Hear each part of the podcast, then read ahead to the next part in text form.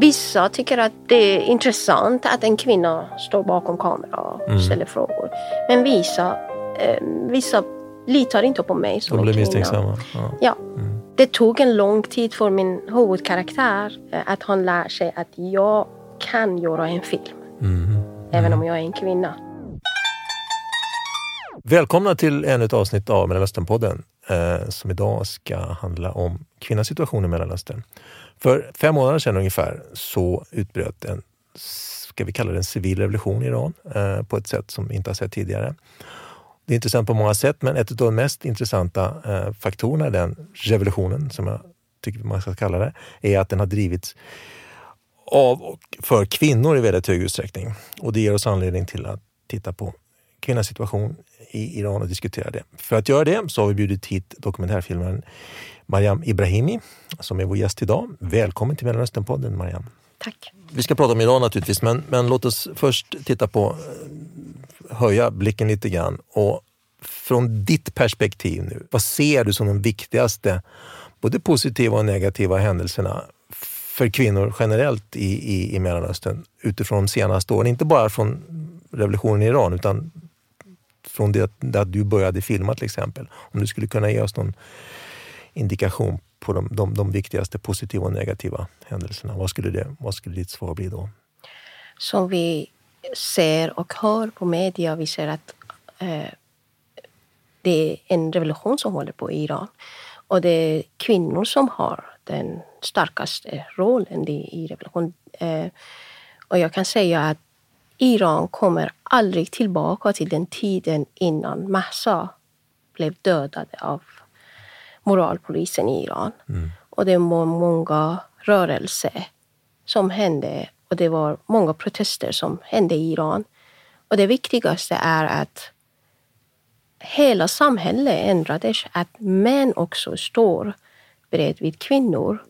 Och det var ett, så länge som jag kommer ihåg, jag växte upp i Iran efter revolutionen, så det var extremt religiöst land, mycket konservativ och väldigt patriotisk kan man säga.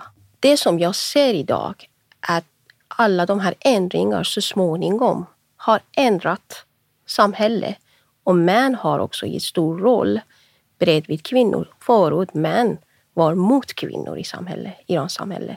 Men det känns att kvinnor har påverkat så mycket hela samhället att ha kämpat så lång tid under alltså hela den här långa tiden efter revolutionen. Att den nya generationen av män också har lärt sig ett samhälle utan en stark kvinna har ingen mening. Så det är de som står också bredvid kvinnor och stödjer dem för att ändra samhället. Så enkelt. Ser, ser, ser du de här trenderna för andra delar av Mellanöstern också? Om jag eh, ska jämföra till exempel med Syrien. Jag har jobbat i norra Syrien, den här kurdiska delen, se, eh, sedan tre år, sedan 2019. Första gången som jag åkte till Syrien det var Rojava, den här kurdiska delen, den här autonoma staten av kurdiska revolutionära som var under attack av Turkiet. Rojava, som är kurdiska för i väster där solen går ner, är det kurdisk kontrollerade området i nordöstra Syrien som i norr gränsar till Turkiet och i öster Irak. För mig första frågan var varför de attackerar kurderna nu. Vad har hänt att de här, det här folket som har besegrat Isis nu och igår var de hjältar och idag hela världen har lämnat dem. De är bortglömda.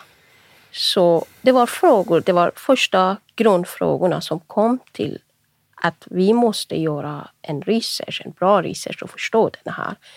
Det var inte målet att göra en dokumentär, eller man kan säga en dokumentär är inte bara om man tar en kamera och går till ett land och börjar filma folk. Man har en, en fråga, man har en eh, grundkoncept, att vad har det, en grundidé, att vad händer där och varför. Det, det, det står många varför innan man reser till det här landet. Men din grundfråga var alltså, varför har vi övergivit de syriska kurderna? Exakt. Så det som jag konfronterade att hur kan de här kvinnorna stå mot mest brutala män, Isis-män, och offra livet och vara inte rädd. Mest kvinnor som var i frontline, kurdiska kvinnor. Och då förstod jag att det var inte så lätt som vi tänkte. Det var en revolution som håller på där. En kvinnorevolution kan man säga, som de kallar eh, Shur och Shejen på kurdiska. Och slogan till den här revolutionen var Women Life Freedom. Redan, alltså det var en, en kurdisk, Ja. ursprunget kommer från Kurdistan? Ja. vad intressant. Det är exakt den som också påverkade senare Iran. Så den här, den här slogan växte och har spridit sig i hela Mellanöstern kan man säga. Och idag även kvinnoaktivister som kämpar mot talibanerna i Afghanistan. De har också den här slogan. Samma, okej. Ja, eller i Saudiarabien. Det är många kvinnor som har, den här modellen har blivit en stark modell, en stark ehm, rörelse som ursprungligen kommer från norra Syrien, från den här kurdiska rörelsen. Men hur förklarar man att de kurdiska kvinnorna egentligen under en väldigt lång period har haft en starkare position i sina samhällen jämfört med de arabiska systrarna? Mm. Grejen är att det är de som har samlat i, i Rojava och de här länderna som de, de tror på en ideologi som har rötterna i Abdullah Öcalans ideologi. Och det är han som säger att hela historien har gått till fel väg. För att det är kvinnor och slaveri på grund av kvinnors rättighet och slaveri. För att det har varit orättvist mot kvinnor och många folk i hela världen. Folkgrupper kan man säga. Så det första är att vi måste ge makten till kvinnor. Och det är därför många kvinnor kom till Rojava, volontär, från hela världen, inte bara kurdiska kvinnor, men mest kurdiska kvinnor. För att bygga den här armén och kämpa för sina rättigheter. Och det här blev jättestort i Mellanöstern. Jag säger inte att alla, är, alla gillar dem eller alla är, ja, följer deras eh, rörelse. Till exempel i Irak, man kan säga att det är stor skillnad. Det här kvinnor, eh, om man kan säga det här feminismen som finns i Irak, det är mest ins inspirerade av väst, feminismen i väst. Och de, de är, som man kan säga, nyliberala. Som försöker att på ett sätt härma den modellen som finns här. Okej, det finns, och vi ska inte ha, vi ska kämpa för kvinnors rättigheter och vi ska ge, mer möjlighet till kvinnor. Men den som finns i norra Syrien, i Rojava, den ska göra en radikal ändring i hela samhället. Det betyder att kvinnor har makt i samhället. Att ha alla institutioner ska ha kvinnor som hälften av styrelse. Den som är väldigt stor skillnad i andra länder i Mellanöstern. Så varje institution som man går i Rojava ser att det finns en, en kvinna som till exempel bestämmer i styrelsen och en man. Och det är exakt i armé. Det är allt som man säger delat. Och det, det är också en eh, decentralized kan man säga, system. Så det är folk som bestämmer och kvinnor har mycket makt. Så det, eh, och eftersom det är inte en religiös system och eh, religion har ingen makt i det här rörelsen. Och det är lite mer leftist eh, tendens. Då, Det är många i Irak som inte gillar det. nej, då måste jag fråga just det det du nämnde nu för att följa upp det. Religionens roll här är ju stor i Mellanöstern generellt naturligtvis.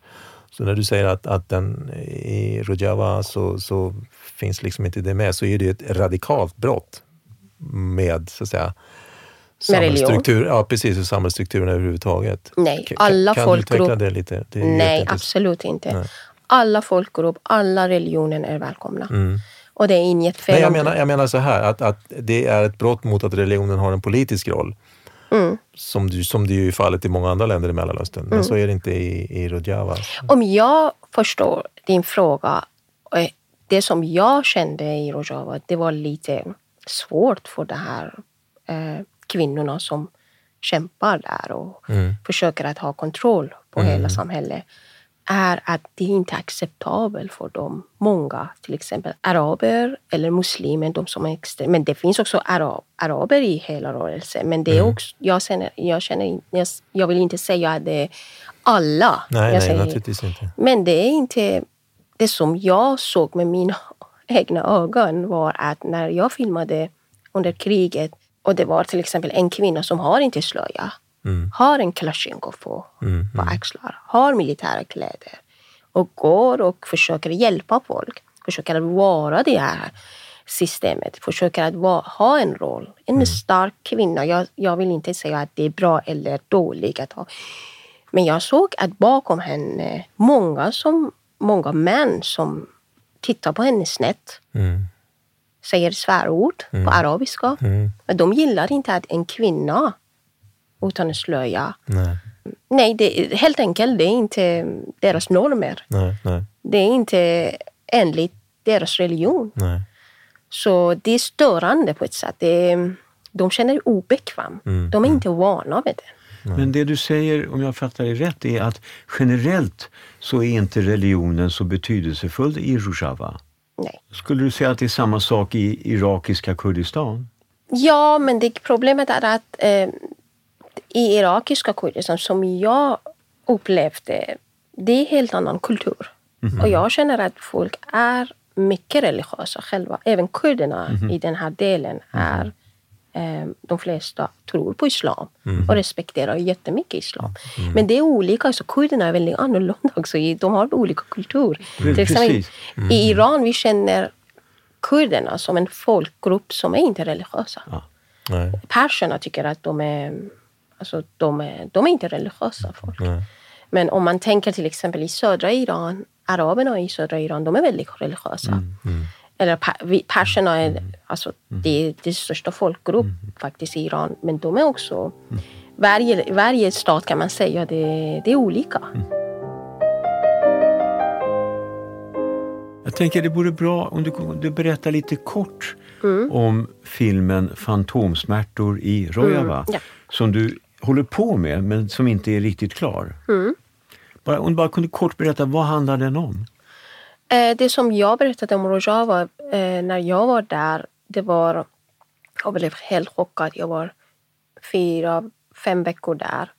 Jag, jag levde i en, ett sjukhus, militärsjukhus. Som varje dag kom många skadade soldater som blev, eller döda som de var attackerade av drönare eller flygfartyg som bomberade hela regionen. Eller hoten.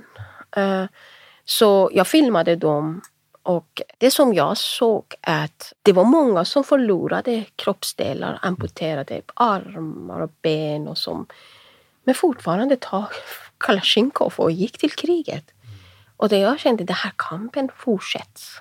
De, for, de vill hålla den här revolutionen, de vill ha landet.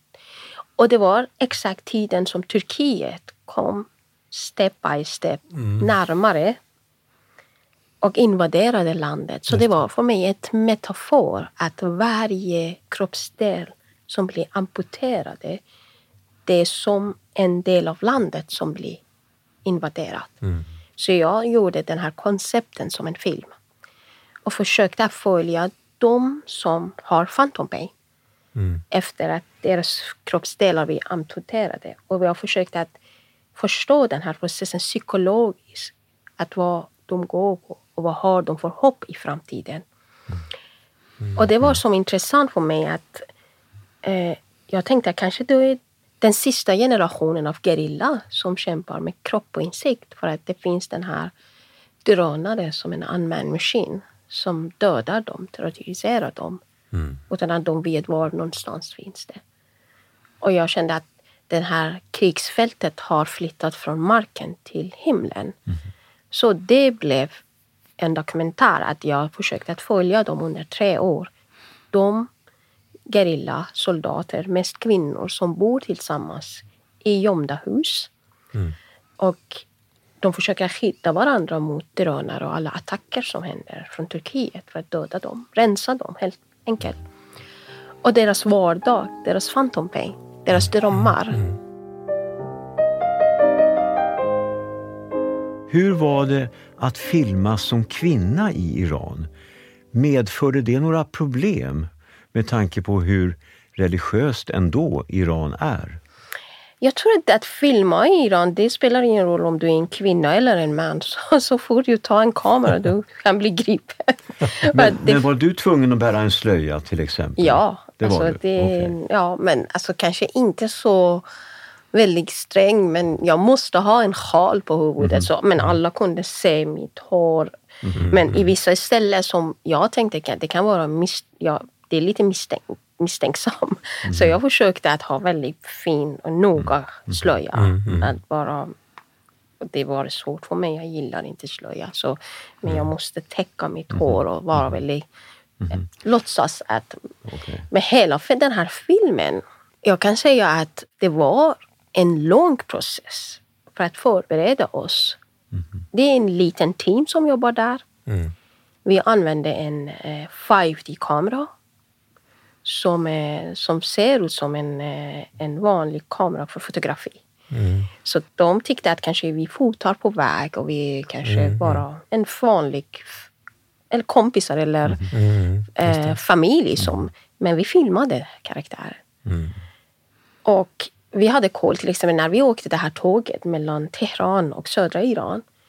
Vi försökte att filma, vi hade bara koll att om någon kommer och ser att vi filmar honom. Mhm.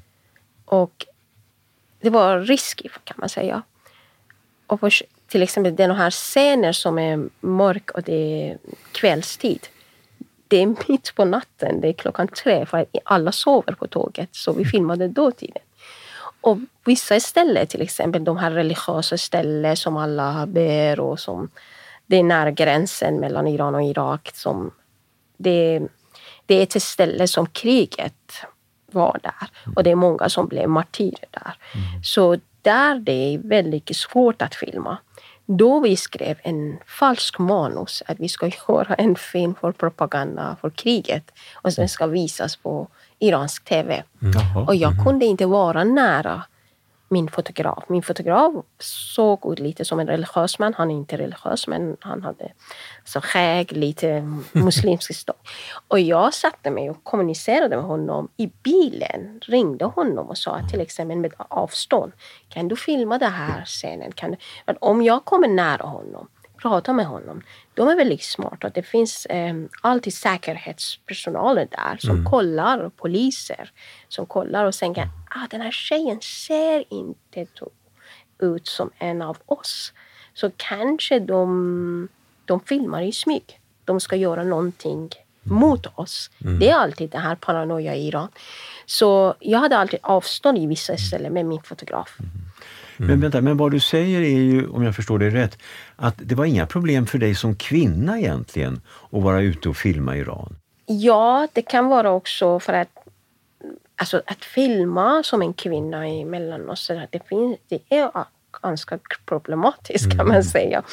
Men i Iran mest var att jag kan tänka att folk i Iran mm, de är vana med kameror. Alltså, alltså de, de vet att kvinnor också jobbar. Som de är filmare. l- modern, alltså man kan säga.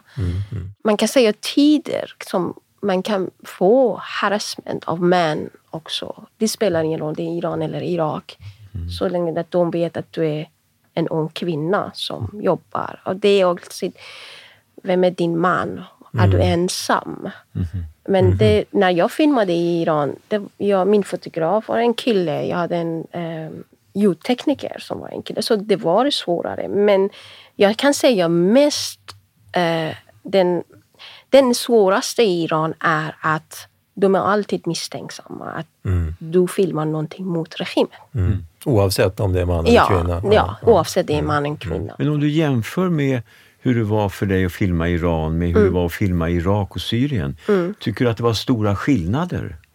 I, I Irak, jag har inte jag har filmat nära gränsen, eh, i gränsen nära Iran. I Irak. Så det var inte så, det var det var bara öknen och eh, folk som... Det var inte så problem. Okay. Men om man går vidare till Syrien, hur var det för dig att filma i Syrien? Som en kvinna eller Ja. som en filmare? Det var fantastiskt. Alltså, det här revolutionen som är en väldigt... Alltså det, här, det finns mycket respekt för kvinnor i Rojava. Mm. Och det är många män som har kommit till rörelse och de är feminister och de kämpar. Och det finns mycket, mycket alltså, eh, frihet kan man säga. Men de, också, alltså, de har också mycket paranoia. Att varför ska jag filma? Va- varifrån kommer jag? De är inte, problemet är att de är inte så öppet mot media i världen. De vet inte vad jag håller på. Så det finns mycket säkerhetsprocess. Men som en kvinna, jag tyckte att det var väldigt... Och där behövde du inte ha slöja. Nej. Men hur bemöttes du av, av, av kvinnorna då, som du, som intervjuade? Och, och som I du pratade med? Ja, i, i kvinnorna. Eh, jag tycker att det är alltid, jag vill inte säga, men lättare att jobba med kvinnor Mhm, framför kamera. mm, mm, De känner att jag, jag förstår dem. mm, mm. Din gut feeling, din Mm. magkänsla, när, du, du nämnde det i början här när vi, när vi hade diskussionen att, att eh, det som började då, eller som var så starkt i Rojava Mm. och även det du har upplevt i, i Iran, att de här, den här trenden, vad ska vi kalla det, feministiska trenden, eller Mm. att, att kvinnor i väldigt hög utsträckning går i spetsen för någonting, en revolution, en sorts förändring på djupet. Mm.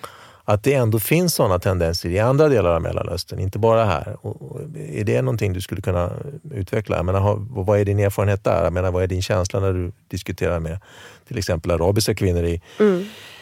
Från andra delar av, av Mellanöstern, Nordafrika till exempel? Känner du igen de här trenderna? Känner du att det här är någonting som har spritt sig? Det känns Ja, tydligt. okej, okej. Det känns tydligt att jag säger inte att det som händer i Iran, den här rörelsen eller kvinnorna som kämpar i Iran, alla det, det är exakt samma sak som händer i norra Syrien. Eller nej. de drömmer av samma system som finns i...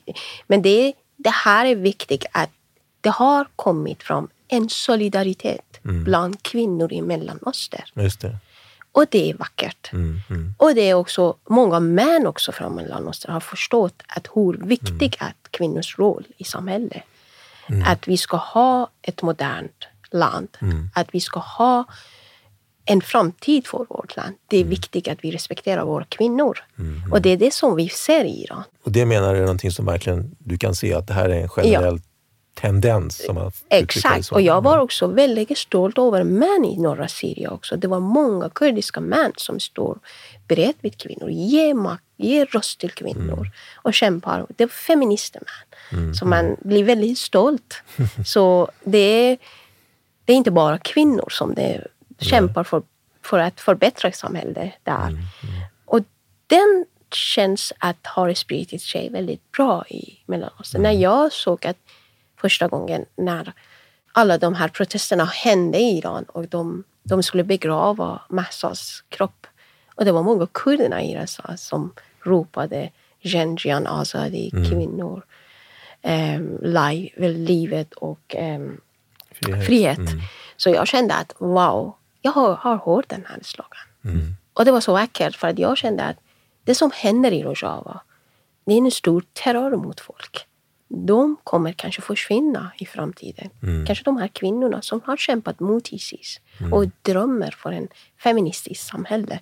De finns inte kanske om några år. Men det som är viktigt, deras slogan har spridit sig i, i Mellanöstern. Och det är viktigt att vi kan påverka. Men hur ser du på det? Jag menar, är, du, är du hoppfull inför detta? Eller vad, vad, vad, ser du? Du säger det, du är rädd att det här kan försvinna, att Rojava blir ett, ett, ett, ett kort exempel. Men hur känner du inför det här? Tror du att det här har spritt sig tillräckligt mycket och gått tillräckligt på djupet för faktiskt en reell förändring i Mellanöstern? Är det här i denna region som är så drabbad av så mycket negativt, är det här någonting som man kan tro på som positiv förändring i Mellanöstern? Vad, vad är din Ja, om jag ska detta? svara den personligen, jag Ja, det- säger att det- ja, Mm. jag, Ja, det- jag har hopp. Det var hoppfullt. Ja, det är hoppfullt. Mm, Och även om Rojava är omgiven, som jag säger, om stora makt som ska... Den försvinner för att de behöver inte dem längre. Men kurderna kommer att kämpa. Alltid. De har kämpat för tusen år. Det är Så sant. det kommer aldrig slutas. Eh, men om Rojava som en stat som finns idag, jag vet inte om några år. Det vet jag inte. Men kampen kommer att fortsättas. Och jag har hopp eftersom jag ser att många positiva effekter av den här revolutionen har spridit sig i Mellanöstern. Man vet aldrig en, en grupp av militia eller militära, om de får makt, kanske de förändras som en diktatur. Man vet aldrig. Jag vill inte säga, jag vill inte bekräfta den. Men den som jag ser, den här processen, den här kampen, den här revolutionen har haft väldigt positiva effekter i hela Mellanöstern. Vi får tacka dig, Mariam, för att du tog dig tid att prata med oss. Och när blir det premiär på Fantomsmärtorna? Just det, det måste vi ju få höra. Eh, hopp, förhoppningsvis 2024. 24, okej, I nästa år. av ja, nästa år. Okej. Men då kan vi i alla fall uppmuntra våra eh, lyssnare att eh, ta och upptäcka dina filmer, Mariam. Alltså Mariam Ibrahimi heter hon eh, och det finns flera dokumentärer redan nu som ni kan titta på. Tack för att du kom hit Tack. Tack. och lycka till. Tack Ja, så mycket. lycka till. Hej. Hej. Nästa avsnitt av Mellanösternpodden kommer den 23 mars och då ska det handla om stadsbyggnad i Mellanöstern. Och det, kära vänner, blir faktiskt det sista avsnittet av Mellanösternpodden för den här säsongen. Eh, vi får se om vi kan komma tillbaka. Det beror på finanserna. Men just nu så kommer alltså Mellanösternpodden att avsluta sin verksamhet den 23 mars.